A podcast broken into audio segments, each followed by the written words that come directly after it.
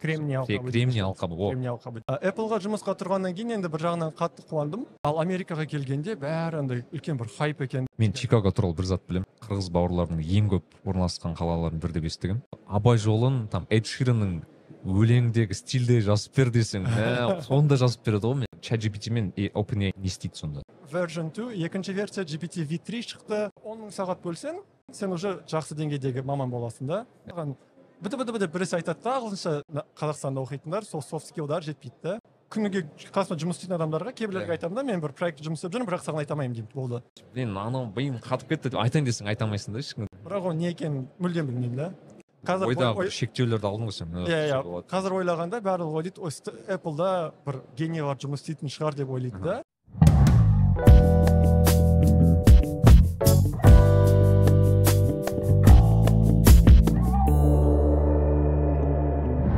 Сәлем достар. Ә, бұл нәрікби және нәрікби лайф подкасты бүгін біз ерекше эпизод жазып жатырмыз өйткені біз бүгін ә, алматыда және біз бүгін алматы диджитал деген осындай бір керемет ә, шара, ә, шарада жүрміз және біз бүгін осы теккардан ұйымдастырған осындай бір ерекше ә, юрта дей ма? Киіз үй. киіз үйде жүрміз. Және бүгін бізде ә, IT жайлы көптеген ә, заттар айтамыз. Және бүгін бізде ә, қонақта темірлан деген досым. Темірлан қош келдің. Сәлем достар. Менің атым темірлан сейдахметов. Ә, осы тараз қаласының тумасымын. Сразу айтып кеткен дей ма бәрін? Иә бүгін достар айта кететін зат бұл біз бүгін ә, IT жайлы көп айтатынбыз. Өйткені мен білесіздер IT маманымын. Және ә, темірлан бізде ә, ә, Apple компаниясында ә, Bay Area енді қазақша айтатын болсақ ә, Bay алқабы дей ма? Қалай қазақша айтса болады. Солай шығар енді былайша айтқанда орысша айтпақшы Silicon Valley ана кремний алқабы кремний алқабы о кремний алқабы кремний алқабы деп айтады. Иә бәке өзің жайлы қысқаша нұсқа айтып кетсең тараз қаласында туылдым. Тараз қазақ түрік лицейін бітір, бітірген болатын 2010 жылы. Аха. А, назарбаев университетінің ең бірінші қатарында ең, бір- ең бірінші поток дейді ғой сонда оқып 15 жылы бітірген болатынмын. Содан кейін ам, осындай бір түрлі университеттерге документ тапсырып енді стэнфорд университетіне түстім. Оқуға магистратураға. Аха. Сол кезде ең өмірімдегі ең счастливый билет дейді ғой соны алған сияқты болдым да. Иә. А, сонда оқуға барып а, магистратурасын бітіріп а, екі стэнфорд қай қаласында? Стэнфорд ол сол кремний алқабында пало альто деген қаланың жанында орналасқан иә. Иә. Сонда магистратурада бір жыл оқыдым. Университет осы жақта бір жыл оқыдың Аха. назарбаев университетінен кейін иә бірден сол назарбаев университетін бітіріп а, көкте күзде уже стэнфордқа америкаға документ тапсырып кетіп қалдым сонда бір жыл оқып содан а, содан кейін бітіргеннен кейін чикаго қаласында иншуранс тек деген индустрияда яғни ол страховка дейді ғой бағанағы, иә, страховка автострахованияға иә, байланысты иә. Мгм. осы компанияда көбірек айтып салған сақтандыру кейіннен. дей ма қазақша иә сақтандыру автосақтандыру технологияларды дами- Мгм. дамытатын компанияда а, екі жылдай жұмыс істедім. Содан кейін а, 2018 жылы Apple компаниясына сол қосылдым жұмысқа. Аха. Со- содан бері сонда жұмыс істеп жатырмын. Қазір бес жылдай оқып бес жылда apple Иә. вау. Одан, одан бөлек о, стэнфордта қазір бір программада курс фасилитатор дейді. Куратор сияқты курс неге artificial inte- intelligence яғни жасанды интеллект Жасанды интеллект, курсының, кураторы болып парт тайм дейді ғой. Иә уақытша кішкене бір бір уақытын соған арнайсың жалпы иә. Иә аптасына бір он сағат сияқты сондай жұмыс сонда иә давайте әрқайсысына бөлек бөлек тоқтайық. Яғни сен ә, давай бастайық. Сен ә, назарбаев университетінің бірінші түлегісің да? Иә. Қалай екен жалпы ол кезде? Ну былай бірінші түлек болған бір қызық қой мысалы бірінші бала сияқтысың ғой А, 2010 жылы ол кезде новый университет астаны деп аталатын университет он бірінші класс оқып жүргенде келеді бізге комиссия. Айтады мынандай бір жаңа университет ашылып жатыр екен күшті болады келіңдер реклама етіп мектепке келіп кетті аха басында кішкене скептический андай не болды енді қандай университет не болады екен? деп. Ол кезде тағы да болашақ бағдарламасына дайындаламыз ба деп андай IELTS сияқты тапсырып TOEFL тапсырып дайындалып жүрген едік біз балалармен. Иә. Содан кейін атын назарбаев университет деп ауыстырды ресми түрде. Түскеннен кейін ба? Жоқ түскеннен кейін емес бір екі үш айдан кейін басында новый университет астана деп аталатын. Сосын назарбаев университет деп атын ауыстырды. Да сосын Иә. е мынау енді президент атымен аталған университет жақсы сапасы жақсы болатын шығар деп солай ойладық та. Сосын көп ойланып сонда түсуге енді шешім қабылдадым. Неге мысалы сен қара сен мен, мен білсем сен ыыы айфо дейді ғой былайша айтқанда соған қатыстың иә? Иә. қысқаша айтсақ айфо деген физика пәнінен әлемдік олимпиада сен сол жақта орын алдың жақтан а, күміс медаль алдым. Күміс медаль алғансың сен былайша айтқанда бейіс дейтін өте талантты ыыы оқушысың. Неге қазақстанда неге шетелге түспеске деген сұрақ бұл жерде. Біріншіден мен а, жаңағы олимпиадаға 11 класс бітіргеннен кейін жазда қатыстым да. Ол кезде уже университетке түсіп қойған кезінде барып олимпиадаға қатыстым ол енді сондай цикл кішкене кеш болды. Екіншіден болашақта қайда барам не болам? А, назарбаев университетінің ұнаған жері бір нетворкинг жақсы болатын сияқты деп ойладым. Қазақстанда иә қалып. Және қазақстанның ең бір күшті университет деп реклама берді енді соған бір жақсы болатын шығар деп. Енді тәуекелге бардық бір жағынан айтқанда. Енді былай ретроспективно дейді ғой енді артқа қарағандай білмеймін енді бір жағынан. А, назарбаев университеті өте күшті бір не берді. Өте сапалы білім деп айта алмаймын бір жағынан. Себебі ол кезде университеттің енді ашылған кезі ғой. Шын Иә, иә. айтатын болсақ енді программаны енді басталады иә бастап көп эксперименттер жасады бізге. Қалай программаны көп өзгертті да оқып жүрген кезде. Про- ну прокатка жүре келе сияқты ғой. өзгерді ғой былайша айтқанда иә бірінші адамдар прокатка сияқты жасады да ондай көп көп болды ғой Ол- бірінші эксперимент болдыңдар ғой сендер негізі. Иә бір жағынан ұнаған жері енді бірінші выпуск боламыз деп иә. соған бірінші түлек боламыз деп сондай а, не болды да Иә, сол- сол үшін түсейік па деген сияқты ой болды. Солай енді университетке түсетін болдық.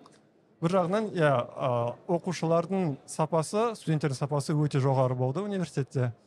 Өйткені мен есімде оған түсу үшін ағылшын тапсырдың сен Иә. ол жылдар өте бір оңай болмады түсуге. Оң- оңай болмады. Қазір одан да қиын шығар. Мен мысалы Иә. назарбаевқа тапсырмаған себебімнің бірі мен жақсы мектепте оқыдым жақсы мамандықта бағым бәрі жақсы болды да бірақ менде ағылшын мүлдем болмаған да. Яғни мен айлс тапсыра алмайтын едім он бірінші класста тапсырсам. Сол көмектескен жері оныншы класс біткеннен кейін сен сондай- ктл да оқыдың просто мне кажется. Ктл бірақ одан бөлек оныншы класс бітіргеннен кейін біз барып болашаққа тапсырамыз ба не істейміз а деп сол үшін ағылшын оныншы класс бітіргеннен кейін сол жазда мен ағылшын тіліне көп дайындалдым да. IELTS TOEFL сияқты тесттер жасап үйреніп сол жағы көмектесті да. Неге назарбаев университетіне тапсыратын кезде уже қолымда TOEFL сертификат болған ол кезде. Сонымен ағылшын дайын ағылшын дайын. Математика физика пәндерін енді тапсырдым қиналмадым сосын тез өтіп кеттім. Қара сен физиксің негізі. Маман. Басында физика. Басында физика. Бірақ сен назарбаев университетінде физика оқыдың ба жоқ бірінші жылы языковой курс болды. Foundation оқыдың? Foundation. содан кейін chemical engineering Сен химиксің. химиялық инженерия сен қалай бағдарламасы сонда химик оқып ыыы айтсға кетіп қалдың сонда химиялық инженерияны оқып басында қызық болып жүрді. Бірақ сол химиялық инженерияның ішінде а, неге моделированияға байланысты пәндер болған? Иә. А, яғни кейбір программа арқылы түрлі хими- химиялық процестерді қарай, қарайсың да олардың оптимизация жасайсың. Мысалы Аха, аха. түрлі заводта түрлі нелер бар да бір процестер бар бір жолдарын іздейсің ғой иә тиімді жолдарды сол программа арқылы жасайсың. Аха. маған ең ұнаған сол класстар болды да және бір программирование базовый класстар ол кезде матлаб деген программа қолданады инженерлер. Сол класстар маған өте ұнады және өте қызықты болды. Да. Ә, кейін магистратураға тапсырғанда сондай оптимизация саласына барайын деп ойладым. Ә, және стэнфорд университетіне түскенде ә, программа management science and engineering деп аталатын. Иә иә. Ол өте үлкен департамент ішінде ә, мысалы индастриал инжиниринг дейді оптимизация байланысы. Менің менің оқыған ә, бағытым analytics трак деген болды. Operations and analytics яғни аналитикаға. Аналитика оптимизация соған байланысты болды. Да иә. Иә ол яғни уже chemical ба- дәл байланысы жоқ бірақ Иә. жалпы инженерияның оптимизация және аналитика қалай жасайтын соған байланысты болды. Да соған оқып сол жерге келгенде негізінен data science machine learning дегенді бірінші рет сонда таныстым да америкаға келгенде. Оған дейін білмедің ғой сонда сен оны. Оған дейін енді кішкене ғана білдім да қазақстанда үлкен хайп болмады ол кезде. Иә. ол бір он төртінші он бесінші жылдары қатты кішкене болды бірақ индустрия көп болмады да. Иә иә. Ал америкаға келгенде бәрі андай үлкен бір хайп екен да.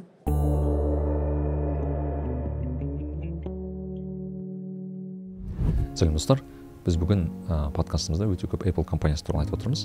Және қызығы apple компаниясының негізін қалаушы ол әйгілі стив джобс деген кісі. Стив джобс ол ә, өзінің бір ә, көрегеншілігімен осындай бір филантропиясымен және де осылай бір әлемді басқаша көретін бір ә, керемет бір тұсы болатын және сол керемет идеяларын мен мына бір кітаптан тапқан болатын. Ол кітап стив джобсты туралы жазылған уолтер айзексон деген кісі жазған. Қызығы бұл кітап қазір қазақ тілінде бар және ол кітапты ә, біздің кітап ал кітап дүкенінен табуға болады қызығы бұл кітаптың мазмұнында өзі ә, apple компаниясының бастауынан бастап бір алғашқы компьютерлер алғашқы iphone ipod басқа да осындай бір керемет инновация келген әлемді өзгерткен технология туралы жазылған. Және ол кітапты оқу арқылы біз керемет осындай бір тың идеяларға да ә, бола аламыз. Және де подкастымызды жалғастырып apple компаниясы туралы көбірек білуге болады. Және де мына кітапты оқып дамуға да болады. Кітапты оқимыз кітап алдан және подкастымызды жалғастырамыз. Көп рахмет.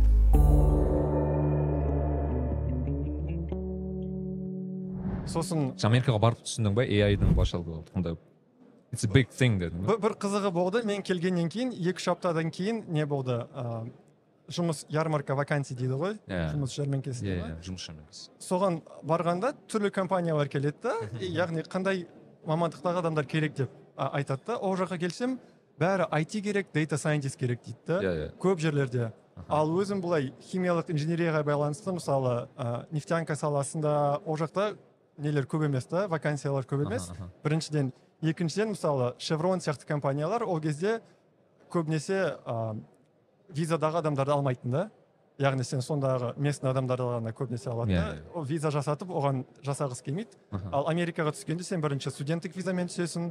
Сосын сен ол компания саған жұмыс визасын жасау керек сосын грин карта яғни ә, процесс ұзақ жалпы. ұзақ процесс та бірақ компания оған енді жасау жасау керек та. Иә. А, бірақ кез келген компания жасамайды да оны. Аха. Сондықтан сол нефтянка саласындағы компаниялар ол кезде көп жасамайтын. Аха. Сосын соның бәрін қарап сосын ең бірінші ә, семестрімде data science-қа байланысты ә, бір класс алғам.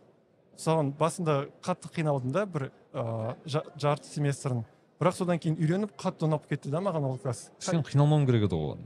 Мен ол кезде химиялық инженерия оқығанмын да. Бірақ data science ол статистикаға байланысты көп та. Мен былай статистиканы оқыдым бірақ сыртынан ғана білемін да. Былайша айтқанда бір математиканы просто мен бір зат білемін. Математиктермен көп араластым кезінде мысалы математикадан бір білетін затым. Мысалы ыыы көбінесе AI жалпы машин лернингқа математика көп қой енді ол жерде. Иә. жалпы мен білетінім. Сол мамандыққа түскен оқып жүрген балалардың көбі физиктер. Не мат- физикадан математикадан а, математикадан емес именно физикадан а, олимпиадамен қатысқан жігіттер көбінесе күшті біледі дейді да математикасын өйткені типа ыыы дағы математиканың ну жалпы формуласы нелері типа физикадағы математикаға келеді дейді да ыыы классический математикаға қарағанда дегендей. Иә және жоқ. Data science негізінен үш саланың ортасында орналасқан. Біріншісі жаңа айтып кеткен физика және математика. Яғни көп алгоритмдерді түсіну үшін сен оның математикалық жағын түсіну керексің статистикалық жағын қалай жұмыс жасайды неге жұмыс жасайтынын жаңағы формуласымен бәрі шығады да. Екіншісі ол а, программирование компьютер. Себебі қазір сен оны қолмен шешпейсің да қағаз қағазбен ручкамен шешпейсің компьютер шешеді оның бәрін компьютер шешеді. Сен оны ручкамен қағазбен түсіну керексің да. Иә алгоритмді бірақ алгоритмнің барлығын сен компьютерге үйрету керексің. Яғни сен программирование қазіргі таңда питон ең популярный не болады да? Тіл. Тіл тіл про- программалық тіл. Соны білу керексің. Үшіншісі ол бизнес түсіну. Ол сен data science және аналитиканы не үшін жасап жатырсың? Мақсаты қандай? Иә мақсаты бір дүниедегі ең проблема шешу керексің ғой? Иә сол проблеманы шешу түсіну керек та. Аха. А, сен өз жаңағы программа data science программа не үйретіп жатырсың? Қандай мақсатпен үйреніп жатырсың соның бәрін түсін- түсіну үшін сен бизнес жағын түсіну керексің да. Иә иә. Сол үш мамандықтың ортасында орналасқан да data science. Ең жақсы data scientist ол барлық үшеуін де түсінеді да. Сол тек былайша айтқанда математика физик аналитика білетін адам емес ол бизнес түсінетін адам ғой иә иә бизнес бизнес жағында түсіну керек. Иә. және сен а, мысалы ең басында жұмысқа тұрғанда сен бизнес жағын түсінбейсің да Иә. саған жаңағы бір сенен үлкенірек келген data scientist түсіндіріп бер- түсіндіріп береді да бизнес жағын біз осыны короче жасап былай жатырмыз былай жасаймыз мынаны мынаны аласың мынаны саласың жаса дейді да. Сен Иә, а деп жасайсың да болды. Сосын кішкене программирование білесің кішкене математика жағын біліп қоясың. Ал өсе берген сайын сен бизнес жағын жақсырақ түсіну керексің да. Сонда сол жағын а түсіну керісінше болмай ма мысалы сен?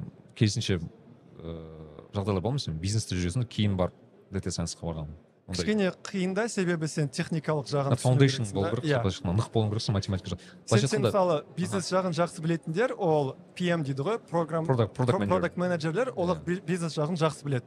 Иә иә. Уже басқа басқа кішкене мамандықта немесе мен білемін мен мынандай ма- мамандық бар. Uh, science product managers деген бар мен білемін өте бөлек өте бір өзінің бір ответвлениесі бар сияқты сондай. Уже сол сол яғни именно десең. иә э, data science-ті түсінетін продукт менеджерлер деп енді біз тым техникал заттар айтып кеткен сияқтымыз бірақ ә, қысқаша айтатын болсақ бұл сондай бір ерекше мамандық. Мен кезінде ә, өзім программист жұмыс істеп жүріп сол ойланатын мен осыған кіргім келеді үйренгім келеді бірақ қанша дегенмен мен бір зат түсіндім ол мамандық көбіне шынымен математиканың ә, терең білетін адамдарға арналған екенін түсіндім да.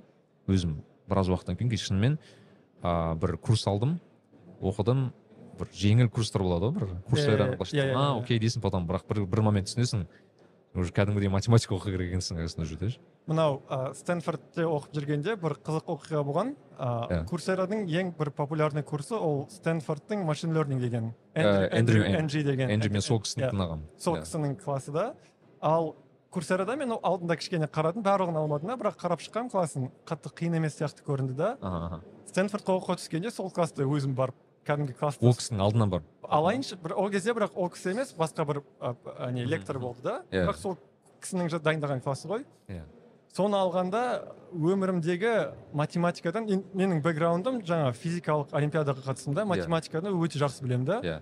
Бірақ жаңағы классқа келгенде өмірімдегі ең қиын класс болды да математика шынымен жағынан. қиын болды ма? Әр алгоритмнің жаңағы көп түрлі линейный регрессия бар түр- түрлі data science ар- алгоритмдер бар да. Оны тереңнен математикасын бәрін түгелмен оқып шығып оны жаңағы үй жұмыстарды андай болды ма типа жа- математиканы жаңадан үйреніп отқан сияқты болдың ба сондай сияқты болдым да ананы қаншама қиын екенін таңғалдым да біз ә, стади групп дейді ғой яғни қасымдағы төрт бес студент болып жиналып группаластар. бірге группаластармен сол үй жұмысын шешеміз да. Өздері айтады негізінен барып бірге есеп шығарыңдар бірге ә, бірге короче бірге бірігіп шығару керек дей ма бір, бірігіп шығарыңдар деп өздері айтады да негізінен сондай стэнфордта групп воркта сондай мотивация береді да солай бірге жасаңдар деп. Ананы төрт бес адам болып жабылып а, сондағы төрт бес адам деге- дегенде ана әрқайсысы өз өздерінің бэкграундтары күшті да кезінде күшті университеттерде оқыған күшті мектептерде оқыған. Андай төрт бір бес кстати, адам мем бар ғой что көбінесе математика оқитын балалар көбіне қытайдың балалары деп. Рас па сол? Жартылай рас шығар ә, сол группаластарымда Олимп- оли- олимпиадалар қарайсың ғой? Типа американ типа американский призеры там олимпиададан деп шыққан кезде всегда бір үш қытайдың жігіттері жатады ғой бүйтіп. енді мектеп олимпиадаға қатысқанда қытайлар көп а, яғни asian american дейді азиялық американдықтар. Бірақ азиаттар да болды е- европейцтер де болды американдықтар да болды группаластарым әрқайсысы күшті. Бірақ жаңағы ойымды бітіретін болсам бәріміз жабылып ананы әрең шығаратынбыз да Иә. үш төрт күн бәріміз бес адам жабылып әрең түсініп шығаратынбыз да сон- сондай қиын болды да негізінен. Сол жағы қызық болды. В общем ол жақта ә, математикаң онша емес болса общем қиналасың да негізі. Қатты қатты қиналасың иә. Енді ана- анау классты алып жатсаң қатты қиналасың иә. Окей қара ыыы сен ә, сон стэнфордта оқыдың. Сол стэнфорд туралы айта кетейінші мысалы сен. Стэнфорд ол именно ә, недегі бағанағы сан францисконың жақтағы стэнфорд қой енді иә иә иә. Сен магистратурасын оқыдың именно. Иә кремний алқабында орналасқан магистратура иә сонда бір жыл оқыдым. Аха. Жалпы не берді саған сол былайша айтқанда бір мысалы сен оған дейін назарбаев университетінде оқыдың ғой? Ол да саған біраз білім берді деп ойлаймын- ой- ойлаймын. Бірақ ә, стэнфордтан кейін сен мүлдем басқа бір деңгейге шықтың деп ойлайсың ба мысалы? Бір жағынан иә деп ойлаймын. Біріншіден өз күшіме сенімдік пайда болды да. Мені стэнфорд жұмыс ә, оқуға алып жатыр екен. Мынау дүниедегі ең самоуверенность студенттер мен де иә студенттер оқиды екен мен де оқи алады екенмін.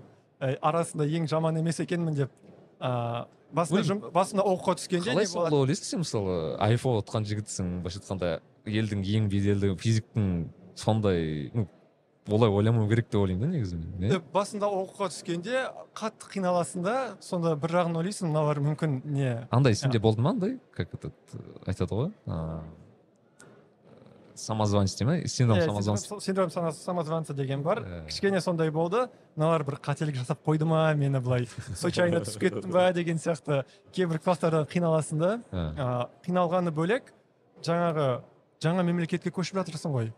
Барлығы жаңадан да ешкім көмектескені ол жақта қазақтың комьюнити бар. Солар кішкене маған аяққа тұру дейді ғой аяққа тұруға көмектесті да. Жатақхана бәрі бар ғой енді бірақ ана жақтағы өмірге үйрену қиын да. Оңай емес иә. оңай емес. Ағылшын тілін білгеннің өзінде мысалы супермаркетке барасың да саған біті біті деп біресе айтады да ағылшынша түсінбей қаласың акцентін түсінбейсің тамақтар продукттарын білмейсің. Ә, оны үйренуге мысалы бір- біраз уақыт кетті да. А сенде одан бөлек еще ана жақта оқу жүріп жатыр да көп оқу қолың тимейді. Одан бөлек бір таныстарың достарың жоқ. Ә, басында сондай қиын болды да. Иә. а, сосын кішкене уже группаластарың та- пайда болады. Жа кішкене қазақ комьюнитимен таныстым. А, бір сондағы бір, бірнеше кружоктарға барып соларға қатысып. Негізі не ғой? Мен білсем сен эпплдағы бірінші қазақ емессің ба ең бірінші оған дейін болдың ба ондай бір информациям жоқ екен. А, түскенде қазақстандықтар бар негізінен. А, а, бір қазақстанда бұрында тұрған мысалы бір, бір бала бар қазақстанда тұрып кейін канадада өскен деген сияқты оларға қазақ өйткені мен линкединда қарап жүрдім. Сол кезде сені бірінші рет көрдім прям қазақ былай эпплда істейді деген кезде сен бірінші шықтың да менде. Бір- бірақ ондай көп көп танымайтын міне. Иә. біріншілердің бірі болуы мүмкін. Иә. Солай енді қара ыыы стендарт оқыдың саған бір айтып тұрсың ғой бағана әсер етті деп ше енді бітіргеннен кейін сен бірден ойландың ба? Қай жаққа түсемін не істеймін қыламын деген сияқты ойлар пайда болды ма? Қызық жері мен жаңа айтып кеттім ғой а, бір жыл ғана оқыдым да стэнфордта негізінен тоғыз ай оқыдым да. А, былай ойла мен 2015 жылы жазда майда или июньда мен химикал химиялық инженердің дипломын алып тұрмын. Иә. 2015 жылы июнь 2015 жылы сентябрьда стэнфордқа барып а, data scientist оқимын деп ойлап жатырмын. Иә. Ол кезде адамдар компанияға уже жұмысқа бір жыл болмай уже тапсырады да иә. И мен жаңа стэнфордқа түскеннен кейін екі үш айдан кейін уже data science жұмыстарға беріп жатырмын да документімді. Хотя мен жарты жыл бұрын оған дейін әлі химиялық инженер болдым да data science түк білмеймін да әлі. Иә. Сол жұмысқа тапсырма тапсырып жатырмын да кішкене сол самозванец сияқты болып жүрмін да сондай Иә, ше иә, нормально. ә, бірте бірте ана жақта үйреніп с- сондай сондай қызық болды. Негізінен иә мен сонда қалғым келді. Ә, себебі ондай бір күшті компаниялар бар көп нәрсе үйренуге болады деп сондай көп ә, мүмкіншілік көрдім да иә. Сол үшін сонда ә, жұмыс істеп қалғым келді. Ә, негізінен жаңа алдында айтып кеттім Чика- ә, бітіргеннен кейін чикаго қаласына да. компания иншуранс компания. Негізінен чикагоға бір жаққа көшемін деп ойламадым сонда қаламын деп ойладым да ә, кремний алқабында сосын оқып жүрген кезде ә, университеттің өзінің порталы болады да карьералық портал. Компаниялар келіп өздерінің жұмыстарын салады да. Ә, и соның ішінде чикаго қаласынан сол бір жұмыс шығып шығып қалды. Иә. қарасам маған өте сәйкес келеді екен да. Ә, data science командасы бірақ ішінде оптимизацияға байланысты жұмыс жасайсың дейді да аналитика. Ол дәл оқып жатқан өте маңызды зат бұл жерде. Сенің ыыы жасайтын пейперің немесе осындай бір нең сәйкес келу керек қой иә сондай емес Бі- бізде пейпер болған жоқ бірақ оқып жатқан нәрсеме былай сәйкес келді да. Өйткені ол үлкен ғой былайша Иә, иә, иә. саласы үлкен да сен именно өзіңе жақын жағын таңдау керексің ол жерде иә иә сон- Мм. сондай да. А, ол кезде бірнеше компаниялармен интервью өтіп жүргенмін. Стартаптармен ол асықпай. Сосын ар- арна жаққа а, документ тапсырғаннан кейін олар екі күннен кейін маған звондап телефонмен интервью жасады. Иә. бір аптадан кейін маған уже чикагоға билет алып берді интервьюға жаңағы мен чикаго туралы бір зат білемін. Ә, мен білемінше чикаго ыыы қырғыз бауырларының ең көп орналасқан қалалардың бірі деп естігемін чикагода тұрғанда қырғыз бауырларымыз өте қатты көмектескен. Себебі Иә. ол жақта қырғыздардың ресторандары көбек көп та и иә жақта бір ресторан бар еді барып ана жақта манты палау деп ана жақта еще көп и- қазақтармен таныстым да қыр- қырғыз ресторанына барасың да? Э, кездесіп еще андай ғой типа қырғыз бен қазақтың түрін ажыратамайсың олар сені кіреді менің сондай дос бала бар ыыы тоже чикагода жұмыс істейді да айтады он мың ба он мыңнан астам қырғыз тек чикагода тұрады дейді да. Чикаго бішкектің екінші америкадағы филиалы дейді ғой былайша айтқанда қырғыз бауырлар көп иә ол бір жағынан күшті сондай а, қырғыздардың хабы болған болған чикагоның күшті. Сосын мен жаңағы интервьюға бір аптадан кейін барам. А. а, бір аптадан кейін ба екі аптадан кейін интервьюға барам. А, ол жаққа барсам жаңағы менің команданың вице президенті chief data scientist яғни ең басты data Мгм. scientist стэнфордта оқыған екен. Сен группа сенің айтасың эламни деп. Аламнай деп. Ал менің оның яғни подчиненный деді а, яғни қол астындағысы қол астындағысы менің будущий болашақ менеджерім. Ә, ол стэнфордта дәл менің программамды бітірген да бәрін. Сол менеджмент сайенс and engineering программасы бір үш төрт жыл көріп тұрған ол жерде. сосын барсам бәрімен тіл табысып кеттім да бір четко былай бәрі кетіп бара жатыр иә. Сосын жаңағы машин learning класс алып жаттым дедім ғой. Иә оған дейін мидтерм яғни ә, семестр ортасында болған имтихан болған. Оған қатты дайындалдым да. Содан кейін екі аптадан кейін барсам интервьюда менен сол мидтермде болған сұрақтар сұрап тұр- сұрап тұрды. Тура сол сұрақтар ма ішімнен қуанып кетіп бәрін былай шашып шешіп тастағансың ғой ана жақта. Оқығаннан кейін сондай. Сосын бір кезде айтады сені компанияның сиосы кездескісі келіп жатыр дейді да. Ол компания кішкентай компания емес бір екі мыңдай адам істейтін үлкен а. компанияда. Таңқалып қалдым. Жарайды деп бардым. Ә, сол CEO келеді. Ә, тамерлан ә, alumni of назарбаев university деп маған шығып тұр да иә. Ойласаңыз америкада чикаго қаласында біреу маған назарбаев университетін бітірген бала деп тұр да мен ана жақта түсінбей тұрмын қалай ол не, не жақтан қайдан біледі деп мхм. кіргізді. Сосын айтады ол өзі әкесі ә, индиялық азамат. Оның әкесі кезінде қазақстанда жұмыс істеген екен. О. қазақстанға эк- қазақстанның экономикасына ә, еңбек сіңірген үшін бір премиялар алған екен да қазақстанның. Орден ба немесе орден ба бір нәрсе алтын адам деді ма сондай бір нәрсе бір премия алған екен. Және жаңағы компания президенті жас кезінде алматыға көп баратын әкесін көруге. И қазақстан жақсы біледі екен да. Вау. Сондағы ойласаңыздар жаңағы чикаго қа- қаласына барамын менің алып жатқан менеджерім тура менің программамды оқыған. Оның ә, вице президент стэнфордты бітірген ә, с- қойған сұрақтары мен мектебімде оқыған сұрақтарым Иә. және президент компания сиосы қазақстанды жақсы біледі екен. И кез келген адамды шақырмайды да былай поточный поток дейді ондай и бәрі былай гладко өтті. Еще ол бір мен тап, документ тапсырғаннан кейін бір аптадан кейін болып тұр да бәрі интервью. Документ тапсырғаннан кейін екі аптадан кейін маған уже оффер келіп тұр. Вот сен жұмысқа аламыз деп. Иә енді бәрі сәйкес келгеннен кейін бару керек деп ойладым. Сосын солай чикагоға кетіп қалдым. Сонда сол компанияда екі жыл жұмыс істедім. Чикаго жалпы не, не, не айта аласың? Андай бір мен кітаптар оқығам. Ыыы кім туралы? Теодор драйзердің ба есімдегі сол кітаптары. Чикагоны айтатын көбінесе типа андай бір индастриал сондай бір күшті қала деп ше кезінде. Чикаго өте қатты жақсы көретін қалаларды бір қалалардың бірі. Жүрегіме бір жақын қала болып жылы ғой. Өте жылы. Өзі ауа райы жылы емес енді бірақ мен астанада бес жыл оқыған адаммын да. Иә Чикаго- деген чикаго уинди сити деп аталады да яғни желді қала деп аталады. Екі мағынада аталады. Бірінші политикалық жағынан екіншісі кәдімгі суық суық болады да сол үшін атайды. Бірақ оның қысы ә, астана на минималках десем болады да кішкене. Сол үшін суық болғанымен бәрі суық деп айтатын да бірақ бірінші рет жазда бардым. Иә. Ол мичиган көлінің қасында орналасқан да мичиганда өте қатты ылғалды екен да Иә. жаңағы бір ә, экзотический бір мемлекетке барған сияқты да бір демала алмайсың да ауа жоқ жазда. Бірінші таңғалғаным бәрі чикагоны суық деп айтатын да бірақ Иә. жазда өте ыстық деп бір адам да айтпаған да маған. Иә иә. Сосын келгенде сол жағынан өте таңғал- таңғалдым жақсы жері жазда барып сол көлге шомыла аласың да. Өте таза қала. Чикагоның астында даунтаун астында подземный қала бар. Ә, 1900 жылдары чикагода үлкен бір өрт болғанда қаланың көбісі иә өртеніп иә мен кеткен. сол оқығам сол туралы иә. Өртеніп кеткен да сосын оны басынан барып салғанда архитекторлар жиналып ойлағанда қалай жасаймыз деп. Қаланың даунтаун астынан тағы бір этаж сияқты подземный город салайық деді. Пробканы азайтамыз деп. Шынымен прям астында. астында прям кәдімгідей светофорлар бар көшелер бар. Адамдар енді жүрмейді ол жақта кішкене бомждар жүреді. Ә, бірақ ананың қаланың астынан былай автобустар кейде астына кіріп кетеді да сонымен өтіп кетеді. ме- метро сияқты емес па короче Ме- мет- мет- метролары метроларда жүреді бірақ анау кәдімгі машиналарға арналған да. Ә, сондай өте, қызық.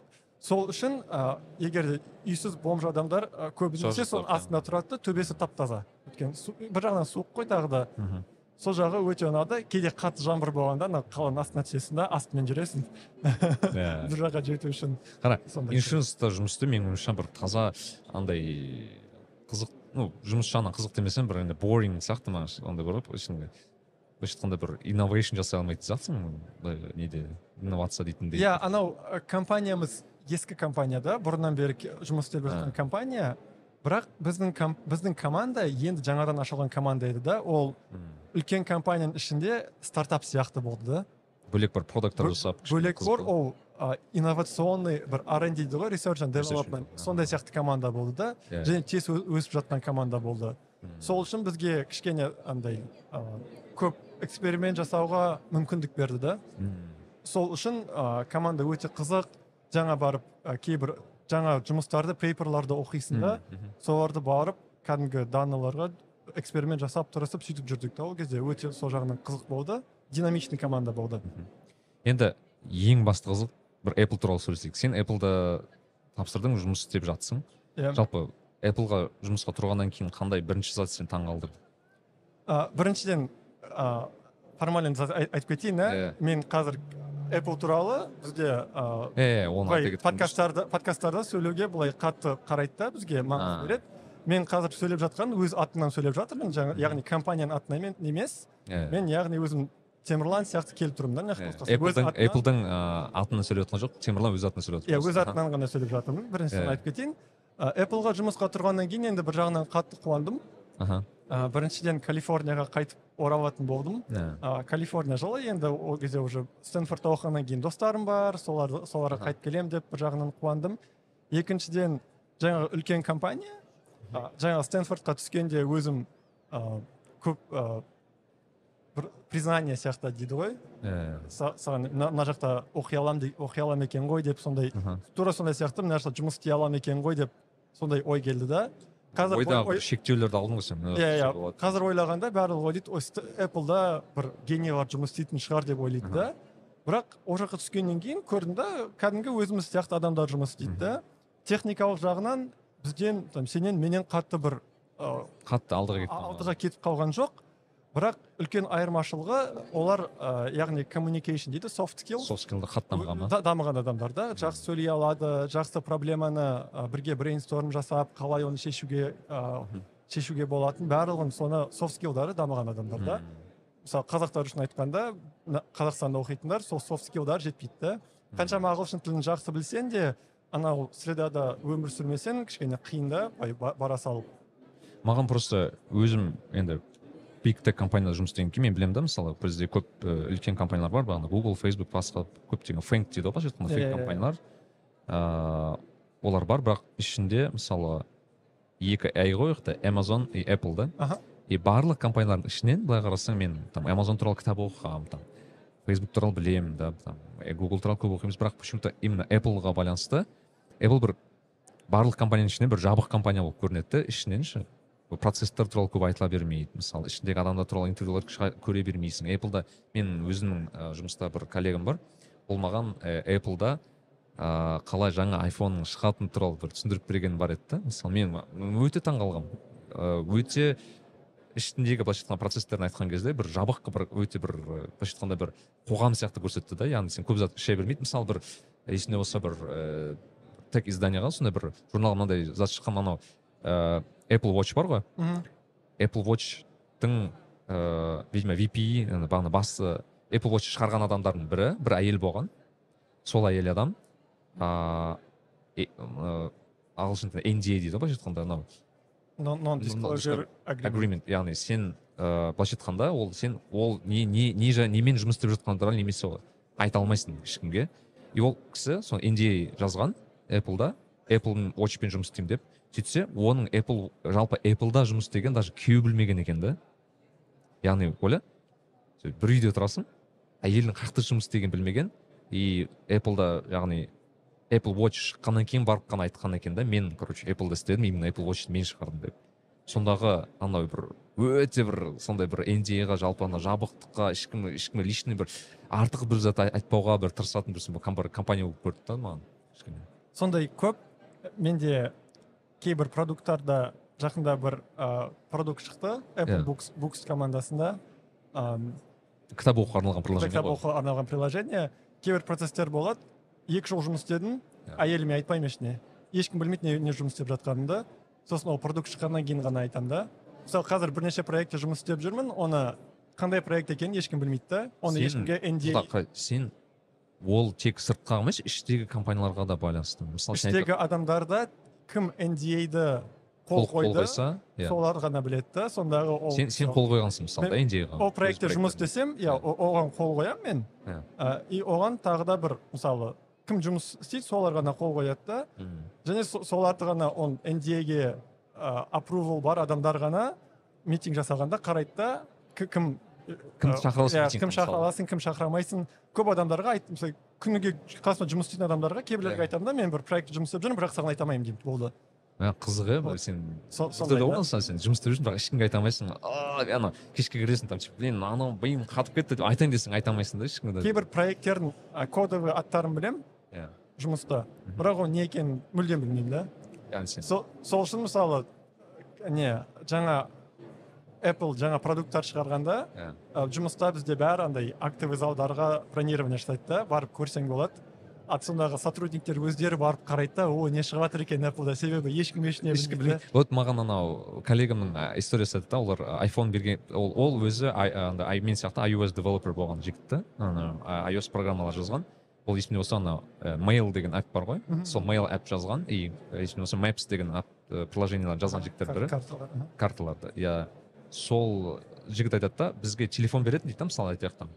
Он үшінші айфон шығады. Окей. Он үшінші айфон шығады дейді да. И мысалы бірақ бізге он үшінші айфон айфон бермейді дейді да андай типа оларға өйткені тексеру керек қой приложениені жаңасына. Олар тек а, сыртын бір чехолмен береді дейді да. И а вот ол жағы ол жағын білмейді екен мен ол айтады да мысалы маған. Чехолмен береді дейді да. Бірақ телефонның өзі көрінбейді дейді да андай. И типа өйткені ана бір экранмен ғана жұмыс істеймін ана чехол те- телефонның өзін білмеймін дейді да и шыққаннан кейін ғана барып сондай бір ыыы білген. То есть яғни айтқанда ойла сен мен разработчикпін да мен қандай телефонға жазатқанымды да білмеймін да короче сондай бір мен такой вау деген типа қалай деген сияқты сондай бір енді apple әлемге бір әйгілі компаниялардың бірі ғой. Иә. Яғни ол процесстер жұмыс істеп жатыр да? Иә. Ну иә. Со- со- солай алады. Өйткені мен мысалы мынандай зат айтамын да өйткені неге ол маған сол сабақ сұрақ қызық болды өйткені бізде есіңде ма мысалы айтайық та қазір он бесінші айфон шығады и ана интернетте болады ғой бір бір екі ай бұрын уже суреттер шығады болады ғой лик Иә, дейді ғой былайша айтқанда иә. сливтар кетеді да осындай айфон болады екен там и так далее мен сұрайтынмын типа қалай ол типа сен слив кете салады деген сөйтсем айтады да маған там типа ыыы appleдың ішінде ол мүмкін емес дейді да яғни слив болу бірақ сливтің бәрі анау қытай заводтарында болады да көбінесе мысалы там өйткені apple көбінесе заводтарда шығарады деген сияқты. Сенің короче жұмыс нең? Көбінесе бағанағы софтвер көбінесе жағында иә хардвер емес. Иә иә солай болды. Бірақ ai жағында AI data science сол сол сол бағытта жұмыс істеймін анау э, нең ішінде ма? Ыыы ринг дейді ғой сол зда- здание бір күшін қазір көрсетемін бір керемет бір Ә- Apple- футуристик. Apple- парк деген Apple ол бір біздің жаңадан Apple'дың жаңадан соққан зданиесі Ә. а, головной офис деп аталады Ә. Купертино қаласында. Ол жақта емес бірақ біз Infinite Loop деген офиста жұмыс істейміз. Ол бұрынғы головной офис. Қызық жері біз біздің компания команда бір басқа кішкентай офиста жұмыс істейтін сол Купертино қаласында. Сосын жаңа менеджменттің бәрі Apple парк он екі мың он жетінші он сегізінші он тоғызыншы жылдары ашылғанда сонда көшіп кетті да. Иә иә. Жаңағы Infinite Loop ескі головной офис босап қалды да. Біздің командада сонда көшірді. Джобс сол жақта жұмыс істеген ма инфинит лупта кезінде сол Джобс. Содан соның жұмыс істеп жатқан жеріне жүрген жолы деп айтасың мына отырған кабинеті. Иә иә иә. Со- со- сол зданияда қазір жұмыс істеймін да. Күшті. Енді қара сен біз ai туралы сөйлестік қой иә? Бір ai қазір ең қатты хайп болып жатқан бір темалардың бірі ғой IT саласында. Жалпы білмеймін мен ә, осы қаншама дискашндарда боламын сол диалогтар всегда вот қашан барсам да чат gpt да не істейміз. Open ai и чат gpt деген екі сөз қозғалады. Иә. Қысқаша айта кетсем енді былай тыңдармандарға чат gpt мен и openai не, жын- не істейді сонда? Сен сенің енді осы жұмыс істейтін адам ретінде. Мен а, яғни OpenAI көп а, исследовательский жұмыс жасайды жасайды. Ол илон масктың компаниясы есімде болса иә? Мен илон маск кезінде соған ашуына жәрдем етті ғой деймін қателеспесем өз үлесін қосқан адам сияқты және осындай көп түрлі проекттер жасайды да және бұрында мысалы 2010 2012 жылдары AI AI-да компьютер vision деген яғни компьютермен фотолармен жұмыс істеу өте қатты дамыған кез болды да. Golden age деп атайды бір жағынан. Аха. 2000 сол бір. Бес алты жеті жыл. Сол кезде өте қатты дамыды. Суретпен және видеомен жұм- жұмыс істеп. Сол кезде жаңағы автономный машиналар проекттер көп жұмыс істей бастады. Да иә иә. Жаңағы қазір тесла да бар және көп түрлі компаниялар дамытып жатыр да.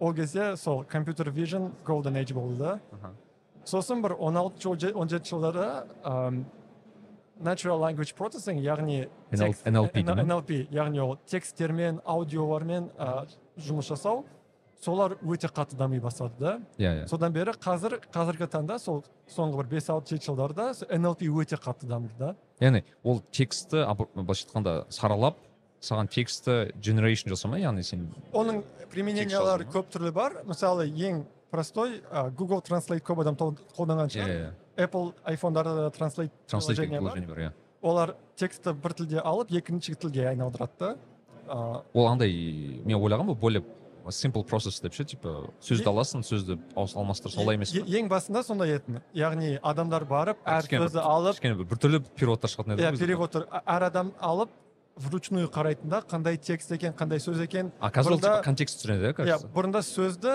векторға айналдырасың да. Word to vec деген бар еді ең бірінші шыққан ол бір он төртінші он үшінші жылдары. Ә, сөзді яғни бір сөзді жүз ә, мысалы жүз санға айналдырасың да вектор. Жүз саннан айналдырған вектор. Және мысалы сөйлемде он сөз болса әрқайсысы жүз санға айналдырасың да. Және сол сандармен түрлі математический модельдер қолданасың машин learning. Және аударасың да сондай еді да бұрында. Иә бірақ оның проблемасы өзің айтқан сияқты контекстті жақсы түсінбейді да. Иә А, ал содан кейін а, түрлі а, жаңа модельдер шықты. Олардың бір, бірі техникалық кішкене барсам трансформер деген бір модельдер шықты және берт деген модельдер шықты және соңында чат gpt дегендер G- gpt деген модельдер мхм. шыға бастады да. Олар бүкіл текст көп текстті алады да өзіне. Солармен жұмыс істеп контекст түсінеді да. Контекст түсінгеннен кейін олар а, түрлі нәрсе жасай алады да. Біріншісі сөйлемді аудара алады немесе тексттен тексттен сурет жасайтын түрлі приложениялар дали деген сияқтылар дали сияқты. Және текстпен текст generation яғни чат gpt текстті өзі жаса, жасап бере алады да. Өзі түсініп өзі оқыған текстті ә, үйренген нәрселерден тексттен өзі текст шығара алады да. Жаңа чат gpt ол яғни сен оған сұрақ қойсаң ол саған жауап береді да. Шынымен мен бірінші жұмыс істеп келгенде өзіме бір шошып кетеді екенсің өйткені ол ол кәдімгідей диалогты түсінеді ғой. Иә иә. Мысалы мен бір әңгіме жүріп жатады ол диалогты түсінеді түсінеді түсінеді. И ешқашан бір шынымен бір адаммен сөйлескен сияқты боласың да. И бір таңғаларлық зат мысалы айтасың маған там осы осы темада маған эссе жазып бер десем мынандай саған эссе береді немесе там подкаст жазамыз мысалы айтасың типа маған ыыы осындай тақырыпта подкастқа темалар бер дейсің ол саған айтасың осы тақырыптарда маған таблицамен бер дейсің. Таблица мен ойлаймын мынау ну енді мен қызық болды бета версиясының өзі осындай болса не болды? мен қазір абай жолы кітабын оқып бітіріп жатырмын да.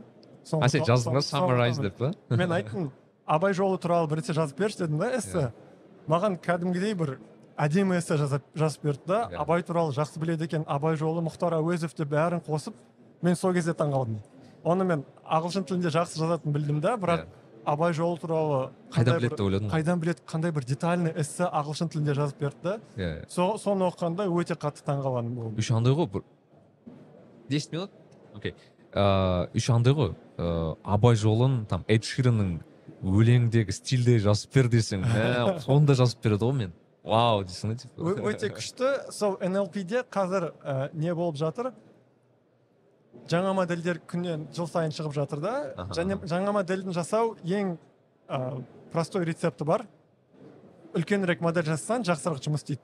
Қазір сондай эрадамыз да. Иә. мысалы 2020 жылы бір модель соқты. Там бәленше миллиард параметр бар да. Иә параметр дегенде жай тілмен түсіндірсем яғни модельдің размері да байланысты. Үлкен модель болса ол көбірек нәрсе жасап бере алады да саған. А- модельдің объемы сияқты да. Иә. И сол объемын үлкейтіп жатыр да мхм. көбірек процесстер көп, көбірек компьютер салады көбірек үйретеді көбірек уақыт үйретеді да. Иә иә. Үлкенірек модель жасаса қарайды ол жақсырақ жұмыс істеп жатыр екен да. Иә иә. Сосын одан да үлкен модель жасайды қарайды одан да жақсы жұмыс істеп жатыр. Аха. қазір біз сондай эрадамыз да сосын GPT деген модель. GPT шықты GPT version 2 екінші версия GPT v3 шықты. Қазір төртінші сондай- шығып отыр иә кажется? сондай чат GPT просто версиясын үлкейтіп жатыр да. Өздерін енді жа- жа- жақсарып жатыр ғой.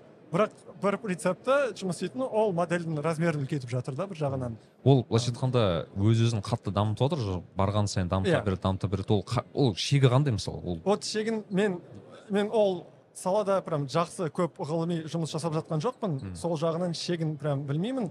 Бірақ бір кезде шегіне жету керекпіз деп ойлаймын.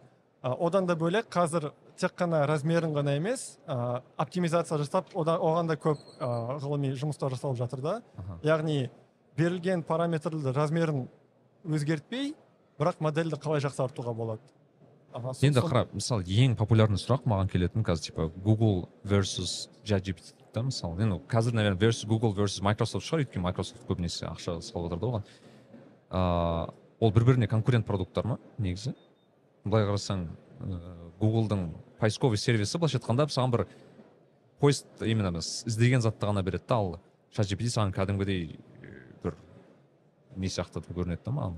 Кәдімгі жаңа ең басында сөйлеп жатқанда айттық қой data science үш саланың ортасында деп. Аха аха. А математика программирование және бизнес. Иә. Қазіргі келген ол бизнес сұрақ та Иә. ол конкурент қашан болады? Монетизация жағын түсіну керек та. Аха. А, Google яғни өзінің NLP алгоритмдерін ә, searchке қолданады поисковикке там, ютубта поисковик одан басқа тағы түрлі продукттары бар да. Иә иә.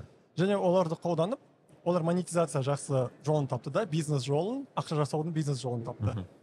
Чат gptдің қазір ақша жасайтын бизнес жолы былай жоқ сияқты менің ойымша. Ә, оны былай Microsoft жасалмайды деп ойлайсың ба? Жоқ жасай алатын шығар бірақ қазірше ол әшейін теория ғой былайша айтқанда теория дегенде әшейін бір тул ғой яғни бір қолданылатын бір продукт та. Оны енді сол бизнес жағын қалай сол- қолданбасы соған байланысты болса бизнес жағынан мен мен онда андай конкурент мен андай ойлар кетті мысалы сен егер Microsoft интегрейшн жасайтын болса чат gptден андай болады жақты типа ә, маған қазақстан тарихы туралы там типа он слайд жасап бер деген сияқты соған? Generate деген мысалы сияқты. он слайдқа он доллар саған ә, подписка подписка жасап мысалы ол уже ол уже монетизация да Күшті допустим ғой. о, о жағынан подписка ол енді бірақ гуглға конкурент па? Сен гуглға жазбайсың ғой маған эссе жазып берші деп гугл деп. Бірақ сен жаза аламын мысалы. жаза алады бірақ ол гуглға конкурент емес себебі гугл сен он- онда эссе жаз деп маған сұрамайсың да.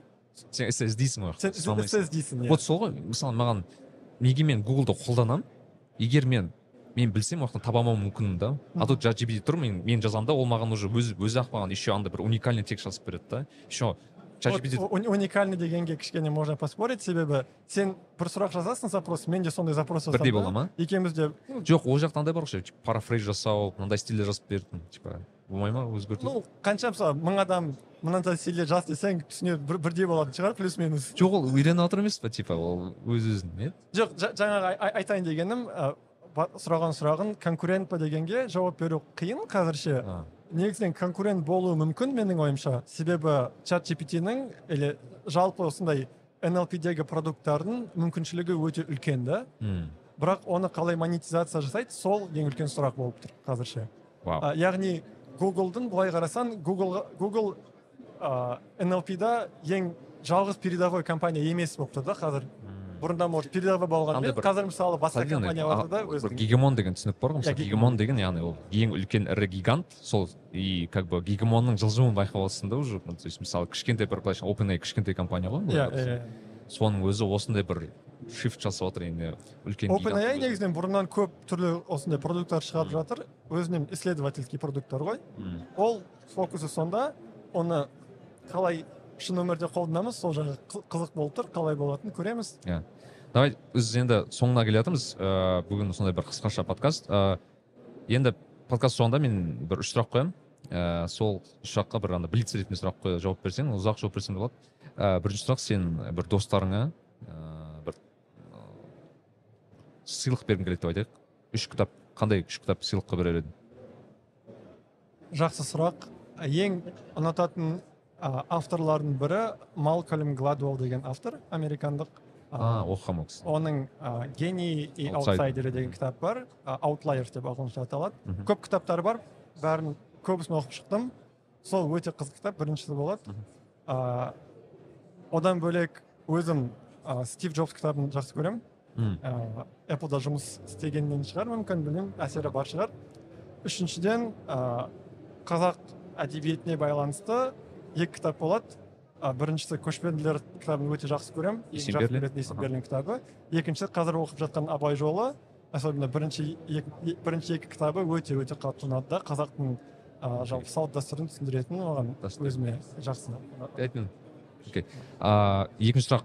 Сен өзің ә, соңғы жылда бір жасаған бір жақсы бір инвестицияң туралы айтып жатсаң өзіңе именно сатып алған мүмкін өзіңе бір жақсы бір пайда болған бір ә, білмеймін бір дүние там это гаджет.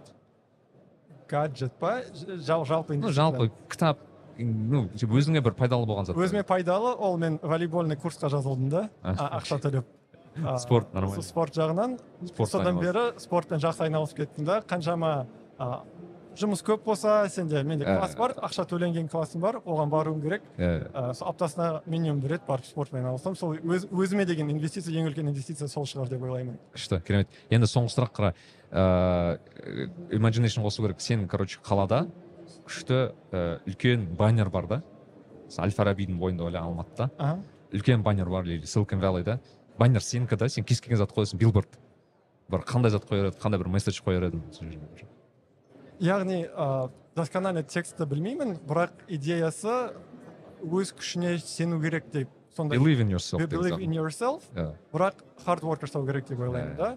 Қаншама жұмыс істесем жаңағы айналып малкольм гладуэльдің кітабына қайтып келетін болсам Аха. ол жақта ең үлкен идея маған ұнағаны егер де сен он мың сағат любой бір салада жұмыс Аха. істесең сен әлемдегі рет әлем деңгейіндегі маман боласың да?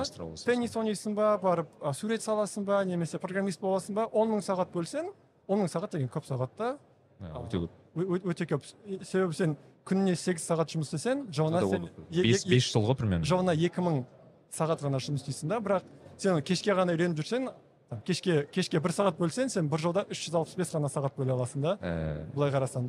а бірақ ол, ол әлем деңгейінде. Ал бір екі мың сағат бөлсең мың жарым екі мың сағат бөлсең сен уже жақсы деңгейдегі маман боласың да. Иә. сол үшін ә, hard work көп жұмыс істеп және өз күшіне сенсең кез келген нәрсеге қолын ә, жеткізе аласың да.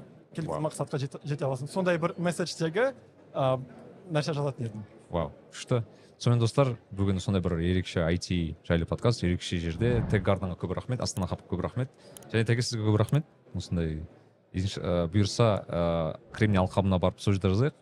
Құдай және қаласа де ә, тегіңе жазылып қойыңыздар бізге жазылып қойыңыздар. Бәріне рахмет. Ә, подписка колокол бәрісін жасаңыздар кездескенше көп жақсы. Сау болыңыздар. Сау